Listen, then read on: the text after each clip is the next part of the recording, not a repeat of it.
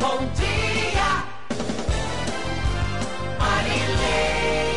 Muito bom dia! Ótimo dia para você que está aqui coladinho, coladinho na Rádio Metropolitana, M1070, redemetropolitana.com.br, clicando em Mogi das Cruzes, baixa o aplicativo aí no seu celular e nos acompanhe também no Facebook, no Instagram, no YouTube, entre lá pelo meu site marilei.com.br. Tem entrevista especial hoje com o Dr. Abdul Kader El Hayek, ele que é médico ginecologista obstetra do Hospital e Maternidade Mogi Mater e também do ambulatório Mater Clean. Doutor Abdu, um prazer recebê-lo. Faz tempo que você não vem, né? Obrigado. É um prazer sempre vir aqui, Marilei. Sempre, sempre. Eu adoro vir aqui, você sabe disso. E, e faz tempo mesmo. Tava com saudade. Como é que são. É, a gente estava fazendo a contabilidade aqui, são 11 anos já de Mogi Mater, né? É, que o Hospital Geral se transformou em maternidade fazem 11 anos que se tornou que era Mogi Mater. Antes era Mãe Pobre para os antigos, Pros depois antigos. era Mogidor, É, depois Mogi Mater. Mogi Mater, isso. Como é que está hoje, doutor, o hospital, assim, com pós-pandemia? Então, a pandemia, que a gente estava conversando agora há pouco, ela desestabilizou muito a saúde. E para nós não foi diferente, né?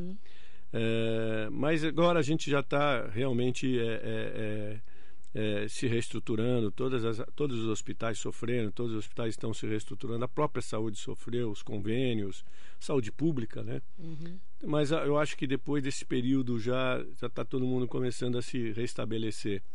E a gente teve, tem um monte de novidades lá no hospital agora. O hospital realmente está cheio de, de, de coisas boas que a gente tem implantado. Estão com bastante novidade. Bastante novidade, ó. Desde UTI neonatal, totalmente reestruturada, Sim, sim. né? Passando pela saúde da mulher, é, toda a estrutura de saúde da mulher tem no Mogi Mater. Tem tudo, Tem tudo. tem tudo. E é interessante porque essa mãe, né, essa mulher, ela pode fazer desde cirurgia plástica aos partos de alto risco. De alto inclusive. risco. E passando por cirurgia geral, cirurgia ginecológica, cirurgia oncológica, né? Tudo pode ser feito É. lá. Essas é uma das novidades, né? Na mater- na- eh, além da gente ter todas essas cirurgias lá no hospital, a, a Mater Clean, que é o, o ambulatório de especialidades da mulher, ele hoje tem tem todas as especialidades cirúrgicas lá, né? Desde cirurgia eh, ginecológica e cirurgia geral e, e- outras especialidades que pode atender a mulher num todo, num todo mesmo. E o pronto-socorro infantil. E o pronto-socorro infantil, que é o nosso xodó É. É. o pronto-socorro infantil com todas as especialidades que precisam. A gente tem um pronto-socorro 24 horas e se a criança precisar internar, temos UTI pediátrica, temos as cirurgias pediátricas, temos as, as especialidades pediátricas que a criança possa vir a, a precisar. Então é um pronto-socorro e um hospital pediátrico completo. É completo. Minha filha passou mal um determinado dia, comprando material escolar, desmaiou a Lívia. Ela estava com 10 anos e era uma apendicite. Era uma apendicite aguda. E era um final de semana, né, doutor? É. Foi assim. Ela foi operada, graças a Deus, ficou super bem. Mas eu falo que nesse momento só quem é mãe e pai para entender, né? Aham. Que aquela criança precisa ser bem atendida, né? Nós temos uma equipe de cirurgia pediátrica muito boa. Muito boa, não é por falar não, mas é uma, é uma equipe é, super especializada, de atendimento imediato. É muito legal, é muito legal. São médicos, assim, muito especializados mesmo. Eu falo porque eu já passei por muitos de lá, né? Com as minhas Uhum. filhas, principalmente com a Lívia. Mas graças a Deus, hoje está tudo bem com ela. E é importante falar, né, doutora Abdu? Aqui na região do Alto Tietê, é um dos maiores hospitais, né, hoje. Né? eu, eu, eu acredito que é um dos principais. É um dos principais. É, no atendimento à mulher, né, isso é fundamental. Não tem outro, nós não temos outra maternidade é, é, é, particular que atenda convênio que, que, que chegue aos pés da, da, da maternidade Mogi Mater, porque ela é uma especialista nisso. Não menosprezando os outros. é, é, é, hoje, se você. A gente saiu de um hospital geral com maternidade e focou só na mulher e na criança, porque a gente sabe que, que você fazer uma coisa com muitas especialidades, com muita coisa geral, você acaba é, é, é, dissolvendo a coisa e, e aí o atendimento cai um pouco. Então, quando você foca num atendimento, numa, numa, numa, numa, numa característica, você tem condições de fazer uma coisa com mais qualidade, né? Com certeza. Especializados mesmo em mulher, né? Nesse bebê que está nascendo, que vai nascer, e também nessa Na, criança. na criança. Doutor, vamos falar de Novembro Roxo? Vamos lá. O que, que é Novembro Roxo, doutor? É, Novembro Roxo é um mês que, que focado no, no bebê prematuro, né? É, é um mês para que a gente possa lembrar do bebê prematuro, fazer, fazer campanha para que uh, uh, caia essa prematuridade, para que a gente possa uh, proteger essas gestantes, para que o nível de, o, o número de, de prematuridade caia como tem o novembro, novembro azul, uhum. né, que, que cuida da, da, de mama, o novembro, ro, o novembro azul. Como tem o mês rosa que cuida de mama, o mês azul que cuida de próstata, então nós temos o mês, o mês roxo para cuidar dos, dos prematuros. Por que, que um bebê nasce prematuro, doutor? Então, na verdade, assim, não tem uma causa, né? Não tem uma causa específica, né? O bebê prematuro é aquele bebê que nasce antes de 36 semanas, uhum. né? É, é, é, ele, ele, ele, quanto mais cedo, mais prematuro ele é, né? É, então, é, é, as causas que podem levar um bebê a nascer prema, com, com, com, prematuridade são várias, né? Desde uma infecção que a mãe possa vir a pegar, uma infecção urinária, ou uma qualquer outra infecção, é, um, um, um, trauma, né? um, um, um acidente, é, a mãe pode ter uma, uma, uma, uma, um problema no colo do útero que, que, que, que o colo ele, ele abre antes do tempo. Né? Ela pode ter vários componentes que podem causar a, a prematuridade. É lógico que você tem prematuridade que é, é que não depende muito do, do, do, do dos cuidados que, as, que a mãe pode ter. Às vezes você tem uma prematuridade, que nem eu te disse, uma inconsistência do, do, do colo. É, mas tem muitos, muitos casos de prematuridade que podem ser evitadas com um bom pré-natal. Né? Com um pré-natal cuidadoso, com, com a mãe indo no pré-natal, fazendo o que o médico manda, fazendo os exames, principalmente exame de urina, para constatar infecção urinária ou não. Então, o, qual é o segredo de, de, de você diminuir bastante a prematuridade? É um bom pré-natal. É um bom pré-natal. Quando que a mulher tem que começar a fazer o pré-natal? O ideal é assim que ela se, ela Tá grávida, grávida começa. começa. já marca a sua primeira já consulta, marca. né? Porque como eu te disse, principalmente em pacientes que são primigestas, que nunca tiveram nenhuma gestação, é, você não sabe quais, qual vai ser a reação dela na uhum. gestação, uhum. você não sabe quais são as características dela na gestação. Então você não sabe se ela tem esse problema de colo, você não sabe se ela está tendo um, um problema de, de, implantação do óvulo adequado, se tem um descolamento, se não tem um descolamento, se a placenta está colando direito ou não. Então tudo isso você vai, vai saber nos primeiros exames o mais, o mais é, cedo possível que você fizer. E, e aí, aí, você pode evitar as complicações. Né? Porque você, quando você faz o pré-natal, você tem que ir de quanto em quanto tempo ao médico? Isso varia muito de, de serviço para serviço, ah. mas o que a gente, o, lá no nosso serviço, lá no, no, no, no, no Mogimater, começa-se com uma vez por mês, né, onde vai você acompanhando vai acompanhando o bebê, vai acompanhando a evolução do bebê, exames mensais é, é, é, você tem uh, uh, exames de laboratórios, os primeiros exames que você faz, que é uma bateria de exame para você saber as condições da mulher, né? E o, o primeiro os ultrassons para você saber uhum. as condições do bebê, né? Depois, com a evolução, depende da, da gravidez. Se for uma gravidez de risco, você passa a ver a paciente até duas vezes por mês. E né? quando é uma gravidez de risco, doutor? Você tem a gravidez de risco principalmente nas pacientes que têm alguma patologia associada à gravidez. Né? Uhum. Né? Então, uma mulher que é hipertensa, uma mulher que é diabética, uhum. né? uma mulher que tem um problema de tireoide, uma, uma mulher que tem um problema é, é, é, sanguíneo, né? uma paciente que, que fez é, inseminação artificial e tem algum problema junto, tem que ter, ser vista mais de, com mais cuidado. Então, tudo isso basta ser uma gravidez de risco e a gente tem que cuidar dessa gravidez com um pouco mais de cuidado. Até às vezes, até duas vezes por mês, que nem eu estou te falando. Uhum. É, para poder fazer o acompanhamento mais de perto. Para fazer um acompanhamento mais de perto e você evitar surpresas, né? evitar, inclusive, a prematuridade. Hoje, essa mulher né, que muitas vezes deixa para ter filhos mais tarde, também precisa ser melhor acompanhada? Sim, a, a idade é uma, é uma gravidez de risco, né? Porque junto com a idade vem os problemas. Né?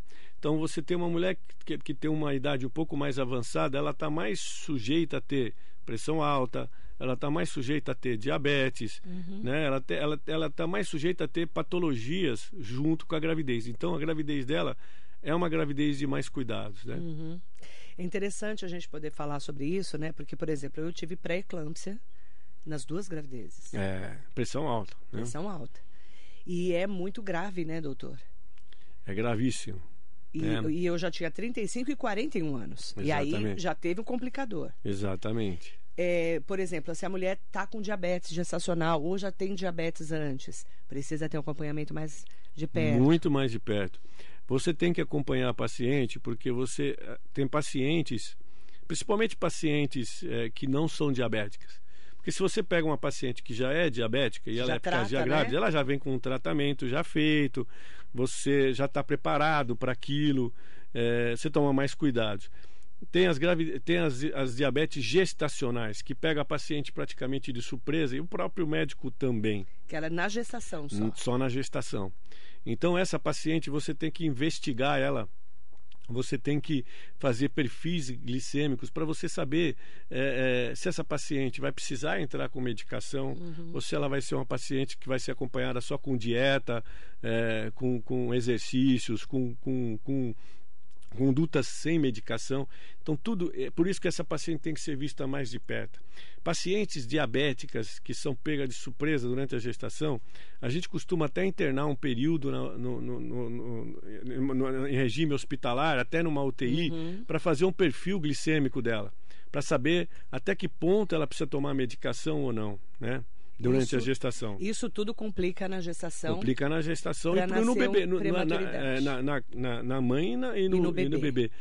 Porque tanto a pressão alta como a diabetes são causas de prematuridade. São né? causas são causas de, diretas. de prematuridade, porque às vezes você não consegue chegar até o final da gestação por causa do bebê estar sofrendo com essas complicações. Eu quero comentar um caso que aconteceu ontem, que morreu uma jornalista, Elaine Santos, da TV Canção Nova, aos 38 anos de idade.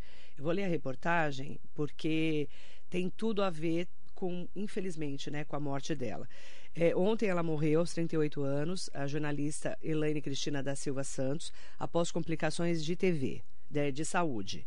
A TV Canção Nova, emissora onde ela apresentava um telejornal, atuava há mais de 15 anos, confirmou a notícia e o veículo de comunicação fica em Cachoeira Paulista, no interior de São Paulo.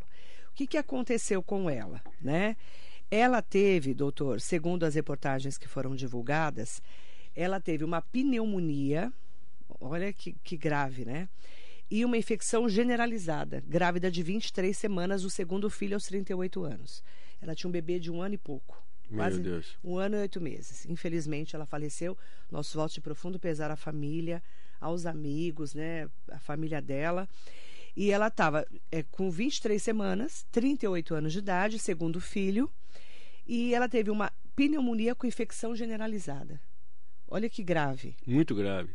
Muito grave. E aí, com certeza, a pneumonia deve ter piorado muito o estado de saúde dela. Sim, na verdade, ela, ela, ela teve uma coisa que a gente chama de septicemia, que é uma, que é uma, que é uma, uma infecção generalizada, provocada provavelmente pela pneumonia, né? A pneumonia que provocou isso, porque provavelmente essa pneumonia dela foi por uma infecção bacteriana, às vezes um germe, não sei qual foi o germe, mas um germe muito nocivo, muito agressivo. Tem, tem pneumonias que são, são causadas por, por germes muito agressivos que você não tem nem, nem tempo de tratar. Dá né? Já tempo, dá né? uma, uma, uma, uma infecção generalizada. Por isso que eu falo para você, a infecção na gestação ela é muito séria. É até a Tanto- urinária, é, né? até a que, própria que infecção parece urinária. Uma, uma coisa simples, mas não é, né, Tem doutor? paciente que a gente pega, pede, a gente pede o exame de urina todo mês. Tem paciente que acha estranho e ruim, mas o senhor vai pedir de novo? Mas para quê? A gente fez o ano passado, o mês passado.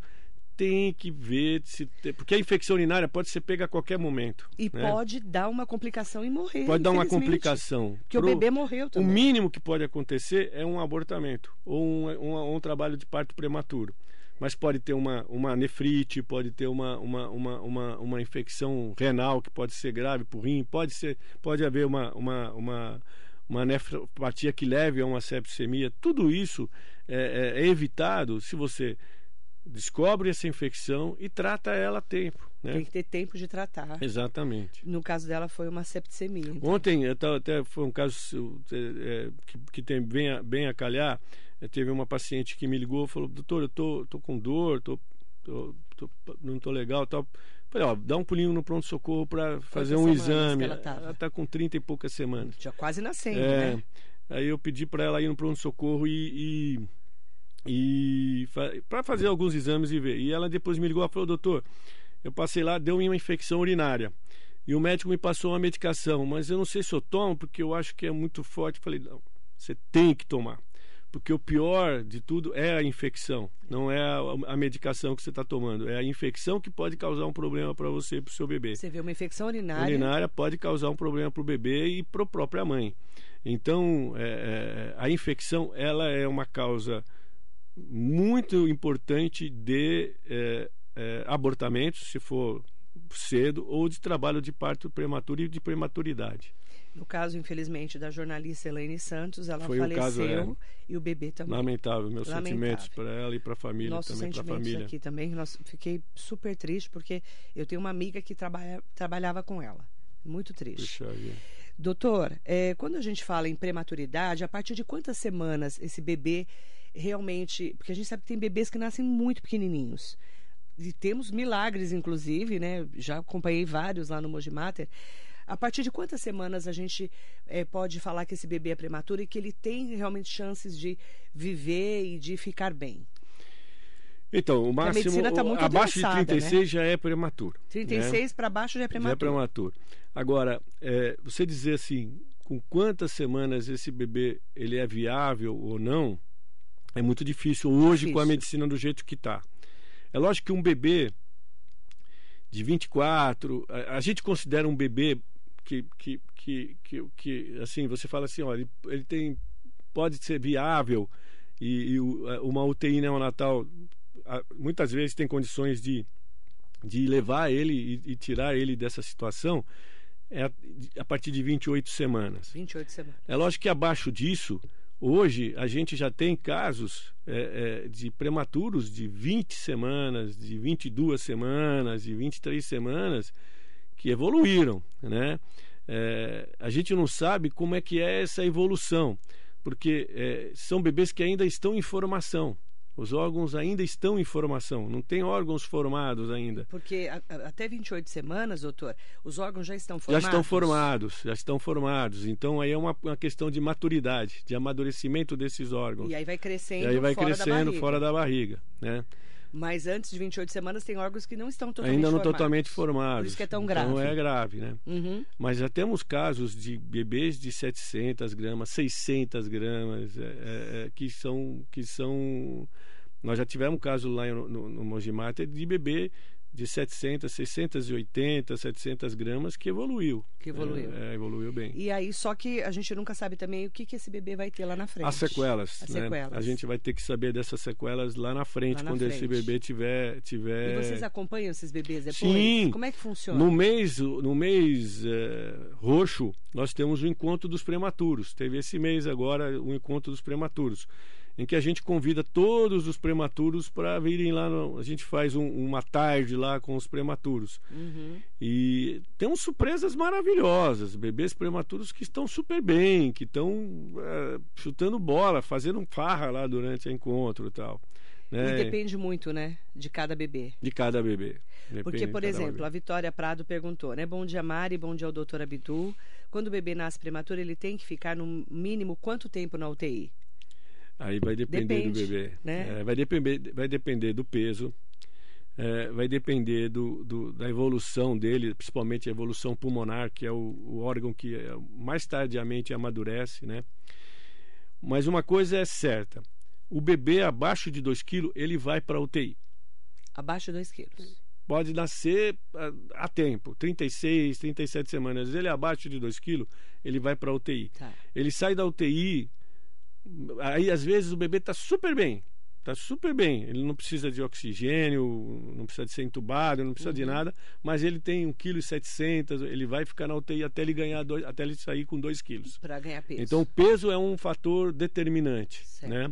A parte pulmonar é outro fator determinante também. Né? O bebê ele precisa estar respirando um ar ambiente, ele precisa não estar não Respirando tá bem, né? poder não estar oxigenando bem também. Porque o Esse- pulmão é o último que se desenvolve. que se- não é que desenvolve, que ele amadurece, Amadurece. que ele começa a ter as trocas que é necessária, né? Para poder respirar Para poder respirar tranquilamente. tranquilamente. A Ellen Gomes pergunta, doutora Abdu, o desenvolvimento neurológico de um bebê prematuro é normal? Outra coisa que depende muito do bebê. Depende. Depende muito do bebê. Depende do, do, da- da- do grau de prematuridade, o grau de oxigenação desse bebê, com- a quanto- como ele foi oxigenado, como ele, Uhum. ele, ele teve a oxigenação cerebral. Depende do, do, do, do- do tempo em que ele foi para a UTI, o tempo que ele permaneceu na UTI. Tudo isso depende muito. Não dá para a gente cravar, olha, ele vai sair bem sem nenhuma sequela, ou ele vai sair com sequela, ou esse bebê. A gente já teve casos fantásticos de bebê que você que ficaram entubados muito tempo e, e- e- e- é, pequenos e que cresceram, saíram sem nenhuma sequela, ou, ou bebês que são quase perto de um bebê a termo, que, que por causa de alguma oxigenação teve alguma sequela. Isso depende muito, muito do, do quadro do bebê prematuro. Doutor, e como cuidar dessa mãe que tem um bebê prematuro? Essa é uma outra coisa que a gente tem é, é, investido muito lá no, no hospital. Esse acolhimento, esse né? acolhimento psicológico, né? É, nós temos lá o serviço de psicologia nosso que dá um atendimento para todas as mães que têm bebê dentro da UTI neonatal. É, é um, é um, é- é- é- basta a gente imaginar nessa situação, né? Você acabar de ter um bebê e você não poder pegar esse bebê no colo, não poder amamentar esse bebê e você não ter a, chance de estar com o seu bebê, tudo isso emocionalmente já é um baque, né? se você, eh, como eu te disse, às vezes por causa do peso, o bebê tem que ficar na UTI, ele está bem, tá- não precisa de mais nada, só ganhar peso, já é um baque para a mãe, porque ela já não está com o bebê no quarto, ela já não está com o bebê no colo, já está lá num lugar que ela tem que ir visitar. Uhum. Agora, você imagina o, o grau daquele bebê prematuríssimo em que está entubado, e que está necessitando de cuidados especiais, em que a mãe não pode pegar ele no colo, que ela não pode acolhê-lo. Então, ela, ela emocionalmente isso é um baque terrível e que precisa realmente de uma ajuda, que precisa realmente de uma de um acompanhamento. Lá nós temos um, um, um- um- método em que quanto mais cedo a mãe poder pegar o bebê, ele é, ele é posto no colo dela, né? Tem se o bebê ele te- quanto mais cedo ele tiver condições de sair ali da incubadora e ir para o colo da mãe, isso é feito, né? Uhum. Para para que o bebê mesmo sinta isso e a mãe sinta isso também. Então é todo um trabalho emocional e, e- e- e- voltado para essa para essa para diminuir o, máximo esse esse baque emocional que a mãe tem Uhum. de um bebê ir para uma para uma UTI neo É cuidar dessa mãe, né? dessa mãe. Ela precisa Desse de tanto cuidado quanto o bebê. É. Sidney Pereira está aqui com a gente. Bom dia para Cláudia Pudo, Jacaré da Rodoviária. Marcela Rocha. Parabéns, Marilene. Um dia abençoado por Deus para você. Beijo para você, minha querida. Washington Ralé. A Beta está aqui com a gente, a Beta Muniz. Bom dia, doutora Bidu, médico generoso, competente, receptivo e com olhar generalizado para o paciente. Mogi Mater hoje é referência, faz jus em estar na antiga maternidade da mãe pobre. É, Que para nós é uma referência. é né? uma referência e é um orgulho para nós, né? É, não é? Estarmos lá porque tem muita história, né? Tem muita Tem história. muita história. Muita história. Uma história. Eu canso de ouvir assim. Eu nasci nessa maternidade. Não, e é muito legal porque as pessoas têm um orgulho, Tenho né? orgulho de falar isso. Não é, Beta? Beta tá isso. falando, né? Um Era, um- era uma maternidade pública, Era. né? Maravilhosa. Maravilhosa. Eu- eu- hoje eu conheço os, me- os me- os melhores médicos obstetras daquela que época. nasceram aqui. que, eh, assim, os melhores médicos que, que nós temos aqui em Mogi, que trabalharam naquela época, trabalharam nessa maternidade. Verdade. São referência hoje, consultórios e tal, e eles trabalharam naquela maternidade. Então, imagina o nível de, de, de É uma excelência que tinha mesmo. essa maternidade. Muito bom. É, mas as pessoas têm um orgulho danado. É. Admir Quirino está aqui com a gente, mandando um bom dia especial. Aproveitar também para falar com a eh, Giovanni Araújo, eh, mandar um bom dia especial. Eh, ah, Giovanni falando. É o Giovanni. É o Giovanni. Eh, existem cuidados específicos que os pais precisam ter quando o bebê nasce prematuro? Minha esposa está grávida e tem a pressão alta. Tenho medo dela nascer prematura, a filhinha, né? É, é importante falar que, além de todos os cuidados de pré-natal, né, sabendo que essa mulher já tem problemas é, de pré-eclâmpsia, por exemplo, de pressão alta, você tem já ter um acompanhamento na gravidez, né, doutor? Sim, De sim. todas as maneiras, emocional e também Sim. físico, né? É importante, é importante é, salientar que uma gravidez com diabetes, com pressão alta, ela é uma gravidez de risco. Ela não é um risco, né? Precisa saber que porque tem gente que acha, ah, eu tô, eu tenho pressão alta, eu tinha diabetes, pronto, acabou, não vou ter problema. Meu bebê vai nascer prematuro, eu vou ter problema. Não é bem assim. Ela é uma gravidez de risco desde que não seja cuidada e vista de, de perto. Então, por isso que eu estou falando, o segredo e o grande, o grande é, é, que da questão é um belo pré-natal. Sim. Porque você fazendo um bom pré-natal, um pré-natal com acompanhamento numa instituição que tenha serviço para gravidez de risco, porque não é qualquer serviço que faz o pré-natal de, de risco, não é qualquer um. Não é qualquer um que está preparado para isso. Cuidar, né? É, é, precisa ter o preparo. Que eu te falei, vai ver paciente duas vezes por mês.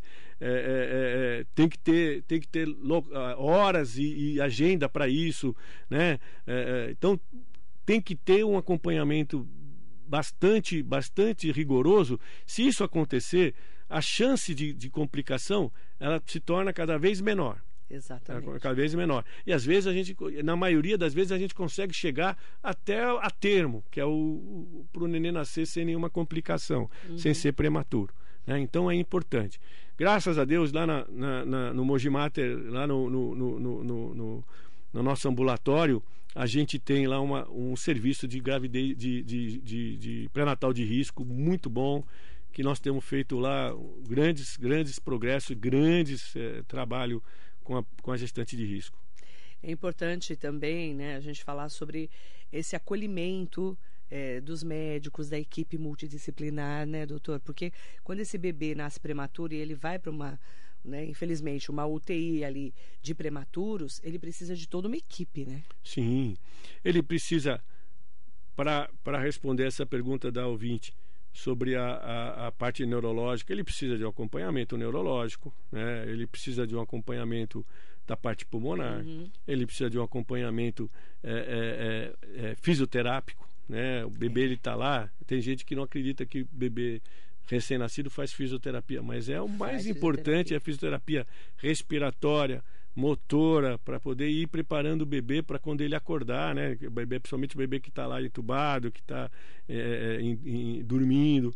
Então, é, é, precisa todas essas especialidades voltadas, são detalhes, são detalhes diários que uma UTI neonatal tem que a gente nem imagina, né? Que a gente acha que o bebê está lá só tomando medicação, não. São muitos detalhes, são muitos detalhes. Que você tem que cuidar desse bebê assim como um- uma joia rara Exatamente, mesmo, né? E não é exatamente. fácil, gente. Porque ele é único para a mãe, né? Nossa. Pode- às vezes a gente tem lá 10, 15, nossa, nossa UTI tem 14 leitos. Então nós temos lá 10, 12, às vezes até sobrecarregado 15 leitos ocupados. É, é, e para quem está cuidando, são vários bebês, mas cada um dele é importante para sua mãe, porque ele é único para sua mãe. Né? Verdade. E interessante falar, né? Mandar um beijo para Lúcia, tá mandando um bom dia especial para o doutor Abdu. Bom dia, Marilei, com esse doutor Abdu há muitos anos. Ele é maravilhoso, um médico super confiante e principalmente me ajudou muito na minha gravidez de alto risco. A Lúcia, não sei quando ela teve bebê, mas faz tempo, pelo que ela fala aqui. Mandar um bom dia especial também para Fátima. Fátima, bom dia, doutora Abdu, bom dia, Marilei. Gostaria de saber se tem como fazer o parto e também o pré-natal, tudo no Mojimater. Lá tem toda a estrutura, né? Tem. Você sabe que está temos- grávida, como é que funciona? Sobre que está grávida, nós temos então a Mater, a Mater Clean, que é a- o nosso ambulatório de especialidades, em que tem o pré-natal normal e o pré-natal de risco. Né? Então, é nós temos todos os convênios, atendemos todos os convênios.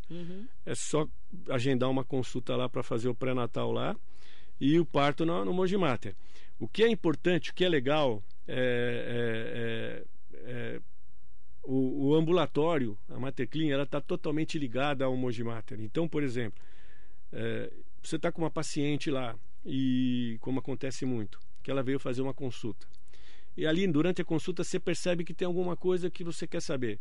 o bebê, o bebê não está mexendo, ou você não está conseguindo ver o foco, ou a paciente tem uma queixa que, que você precisa saber se realmente tem alguma coisa um, um pouco mais rápido, sai com uma cartinha de imediato lá para o Mogimater.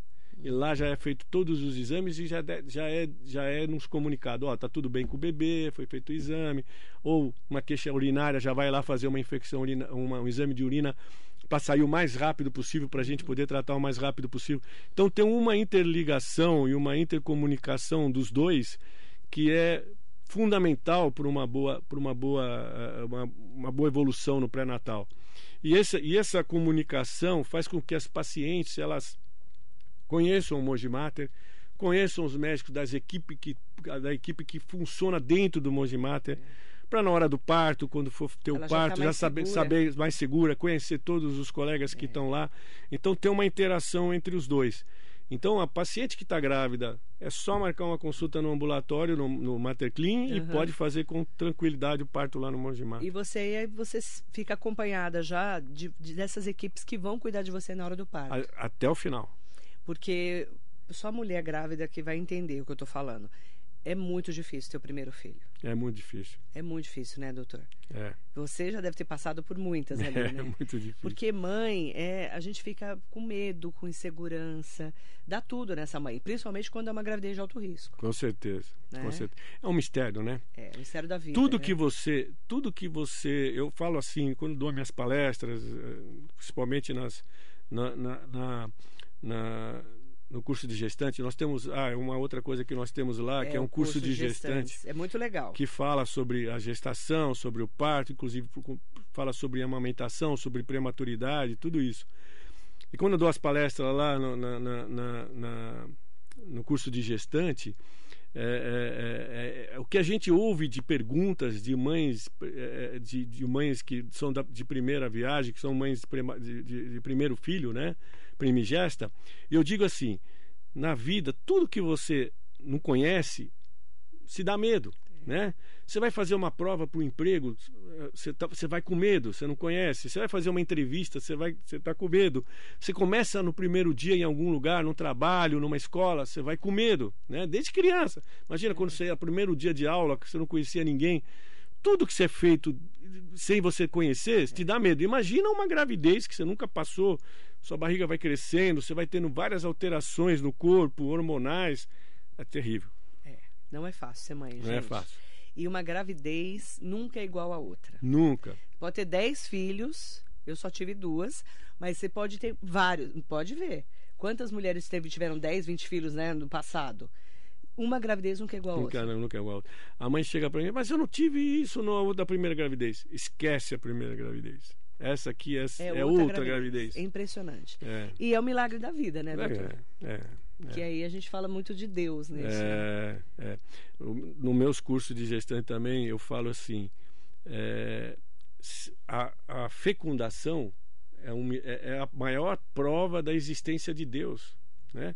A maior prova da existência de Deus, para quem não acredita, quem não tem fé, se vê a fecundação como ocorre, É um milagre. é um milagre, né? Você um óvulo que sai lá da mãe, junta com o espermatozoide, enquanto a mãe Isso. você está você tá trabalhando, você está indo trabalhar e a fecundação está ocorrendo, vai É. para a trompa, vai para o útero. Aí você vai descobrir que está grávida. Olha, olha a, a perfeição do processo, né? E você gestar, um fazer uma gestação de um bebê é um milagre. Sai de Deus. uma célula É. e olha o que forma, né? É impressionante. Eu falo que a maior emoção da vida de uma mulher é pegar um bebê no colo e falar: esse bebê nasceu de mim. É uma coisa assim. É, É, extraordinário, é, né, doutor? é. É impressionante. Olha, eu acho Você, que... quantos, quantos partos você já fez? Você não faz ideia, né? Então, me fizeram essa pergunta esses dias, né? A gente estava num, numa reunião, me fizeram essa pergunta. Na verdade, assim, eu tenho 40 anos de formado, né? Nossa. Eu fiz 40 anos esse ano. 40 anos. formado. Fizemos até uma- um encontro de turma. E o povo tá tudo lá firme e forte? Todo feio, né? tá tudo velho, barrigudo, careca, cabelo branco, mas tá lá, Tá todos tudo- firme e Todo forte. mundo vivo, graças firme a e Deus. forte, é. É, e, e eu falo assim, há, há mais ou menos 20 anos, quando eu vim para cá, para Mogi, quando a gente ah, veio para trabalhar no Mogi Mater, eu tinha feito 5 mil partos e eu parei de contar. 5 mil É. há 20 anos. 20 anos. Quando eu tinha 20 anos, eu tinha feito 5 mil partos. Não faz nem Aí ideia, parei de né? contar porque aqui já diminuiu, né? A gente, eu, eu trabalhava num, num, em maternidade pública. Então a gente fazia 30, 40 partos por, Por dia. Por Por, dia. dia. Por dia, Por mulher, dia? por dia. Meu Deus! É. Lá em São Paulo, maternidade pública, você fazia Era- mil partos, mil e quinhentos partos, dois mil partos por mês. Por mês. É. Impressionante. A gente doutor. trabalhava três, quatro obstetras, né? Então era uma correria. Então ficava dois no centro cirúrgico, dois no pronto-socorro. Nossa. Era uma coisa louca. Interessante, né? Como é. E é emocionante até hoje fazer o parto. Olha, é, desse- desses partos que a gente fazia todo dia, cada parto era um parto, né? Era uma época que a gente fazia mais parto normal do que cesárea, Sim. né? Era, é, tinha a filosofia de fazer né? mais parto normal do que cesárea, então eram partos emocionantes, eram partos de, de- de- de- era muito legal. Não tinha, né, hoje a gente tem as, as obstetrizes que nos ajudam muito, né? Que fazem os partos normais. Naquela época era o médico que fazia tudo, ele que Tudo. fazia o parto normal, ele que fazia a cesárea, ele tinha Uhum. os dois que se, se ajudavam. É. Então era muito parto. Doutor, obrigada pela sua entrevista. Eu quero dizer para as pessoas que quiserem ter contato com o Mogimater para conhecer o hospital, 47288000 ou Mater Clean, tá? 35652475. Mater Clean fica bem no centro da cidade, na, pra, na, na Rua Doutor Correia ali, na Praça São Benedito, a entrada pela Ricardo Vilela Pela do Vilela. tá? Bem facinho, bem no centro da cidade. E o Hospital Maternidade Mogi Mater fica bem no centro também, do, do lado do Largo 1 de Setembro. Todo mundo que é de Mogi sabe onde era a mãe pobre. E o Mogi Dor, que hoje é Mogi Mater há 11 anos. 4728-8000. Obrigada, doutor. Obrigado por mais essa e espero voltar em breve. Já está convidado. 40 anos de medicina. É, E, ó, quando ele contava, eram 5 mil partes. Cinco quando mil partes. contava. Mas agora já está incontável. Né? Obrigada, doutora. Obrigado, Bidu. obrigado, Kader El Hayek, médico ginecologista obstetra do Hospital Maternidade Mogi Mater e também do ambulatório Mater Clean. Muito bom dia para você.